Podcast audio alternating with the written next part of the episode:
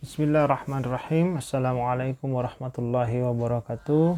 Alhamdulillah wassalatu wassalamu ala Rasulillah wa ala alihi wa sahbihi ajma'in. Allahumma inni as'aluka ilman nafi'a wa rizqan thayyiba wa amalan mutaqabbala. Amma ba'd. Perkenalkan, saya Ido Wiba, founder Zada Consulting. Zada Consulting adalah perusahaan konsultan bisnis dan manajemen yang mempunyai misi membantu para pengusaha muslim untuk berikhtiar dalam rangka bertransform secara efektif dan efisien menjadi korporasi berstandar syar'i. Dalam mewujudkan misi ini, kami berikhtiar membuat konten-konten termasuk konten podcast atau di podcast ini yang insya Allah berisikan hal-hal yang dibutuhkan oleh para pengusaha muslim dalam berikhtiar untuk mengembangkan bisnisnya menjadi perusahaan besar yang memperhatikan dan menerapkan syarat Allah Subhanahu wa taala dalam seluruh perihal kegiatan bisnis dari pengusaha muslim. Di episode kali ini kita melanjutkan melakukan pembacaan buku karya Ustadz Amin Ubaid Taala yang berjudul Pasal Muslim dan Dunia Maklar.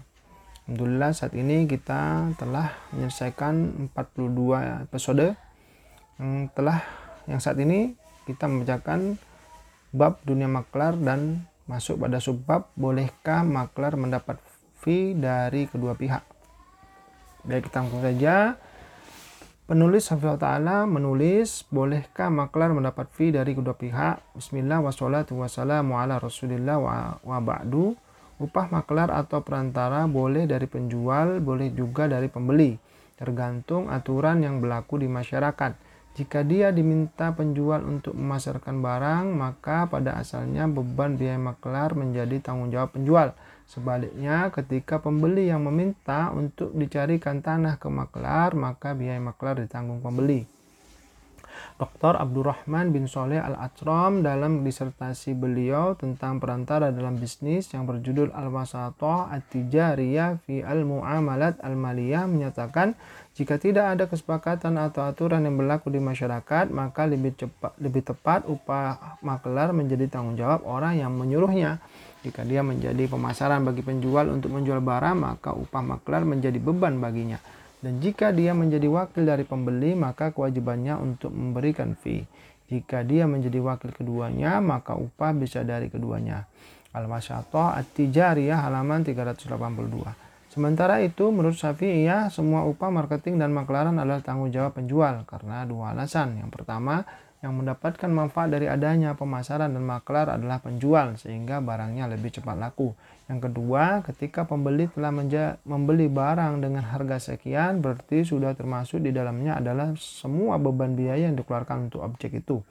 Misalnya, ketika pembeli telah sepakat dengan harga 1 juta per meter, berarti harga ini sudah termasuk semua biaya yang dibutuhkan untuk objek itu. Dalam Hasyiah Al-Jamal Literatur Syafi'iyah dinyatakan biaya maklar menjadi tanggung jawab penjual jika disyaratkan biaya maklar harus ditanggung pembeli maka akad batal. Misalnya ada orang menyatakan saya jual ke Anda dengan 10 dirham net lalu pembeli mengatakan baik saya beli maka makna net menunjukkan bahwa biaya maklar menjadi tanggung jawabmu. Karena itu jika dibebankan ke pembeli akadnya menjadi batal. Hasyiah Al-Jamal 5 garis miring 781.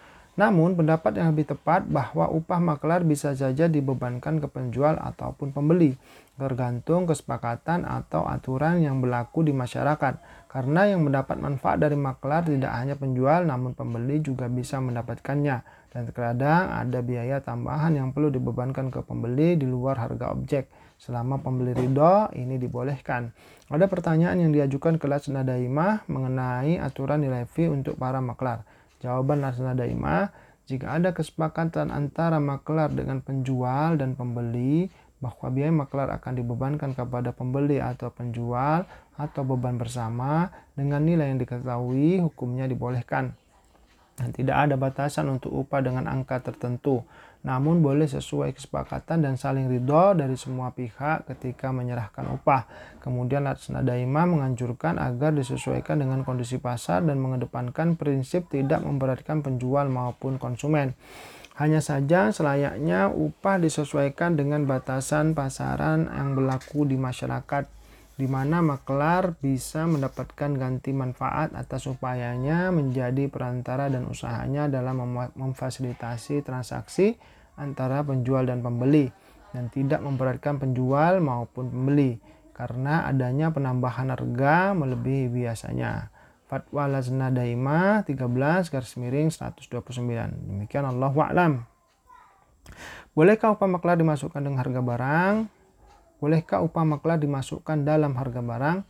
Bismillah wassalatu wassalamu ala rasulillah wa ba'du. Penjual boleh menaikkan harga barang untuk menutupi biaya maklar tanpa harus memberitahu pembeli. Dengan ketentuan penambahan itu masih terhitung normal. Misal Paijo menjual tanahnya dengan harga 500.000 per meter. Datang Wahono anggota RCTI atau rombongan calo tanah Indonesia dan menawarkan untuk memasarkan tanahnya Paijo.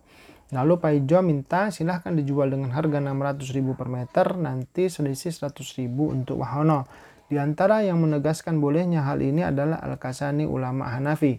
Tidak masalah dimasukkan semua biaya ke dalam harga, seperti biaya pembersih kain, mantek kain, tukang cuci, pemintal, penjahit, makelar, atau biaya pengembalaan kambing, sewa lahan, kebutuhan makan dan minum budak dengan nilai sewajarnya. Karena sudah menjadi hal biasa yang dilakukan para pedagang, mereka masukkan semua biaya keberadaan barang itu ke dalam harga pokok dan mereka menghitung sebagai HPP atau harga pokok produksi. Sementara kebiasaan kaum muslimin bisa menjadi dalil secara mutlak dalam masalah muamalah. Badai As-Sanai 5 garis miring 223. Alasan yang menguatkan pendapat ini bahwa pemilik barang berhak untuk menjual barangnya dengan harga sesuai yang dia kehendaki karena hukum asal jual beli adalah saring ridho.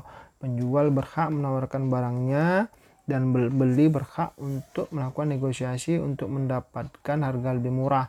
Penjual berhak menawarkan tanahnya dengan harga 500.000 per meter atau 600.000 per meter atau harga berapapun.